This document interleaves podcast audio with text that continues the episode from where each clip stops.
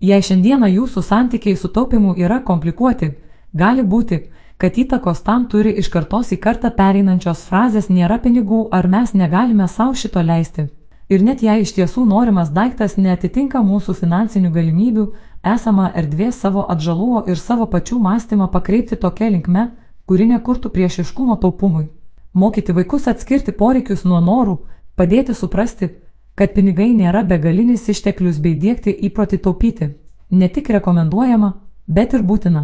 Tai yra esminiai finansų valdymo įgūdžiai ir geros finansinės veikatos sąlygos. Tačiau nuo to, kaip jas priimame patys ir kaip perdodame šias idėjas atžaloms, priklauso labai daug. Tartu negali turėti šio žaislo, nes mes negalime savo jo leisti, nėra pinigų ir tarp tai nėra daiktas, kuriam mes nusprendėme leisti pinigus.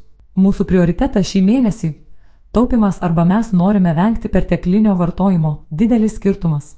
Pirmuoju atveju programuojame save ir savo atžalas pirkinių planavimą bei taupimą matyti kaip savęs ribojimo ir nepritekliaus išraišką. Antruoju atveju dalykus vadiname savo vardais, prioritizuojame tokius finansinės elgsenos modelius ir veiksmus, kurie užtikrina tvarę ir gerą finansinę sveikatą. Kitaip tariant, mes kontroliuojame ir priimame aktyvius sprendimus, kur nukreipti ribotą finansinį išteklių pinigus, o ne esame kontroliuojami ribotų finansinių išteklių. Ir nors neretai esame linkę manyti, kad su vaikais apie pinigus reikia kalbėti tuo met, kai jie jau pakankamai dideli ir daug ką supranta, šį įsitikinimą taip pat verta keisti. Kaip rodo Kembridžo universiteto studija, pinigų valdymo modeliai susiformuoja iki septyniarių.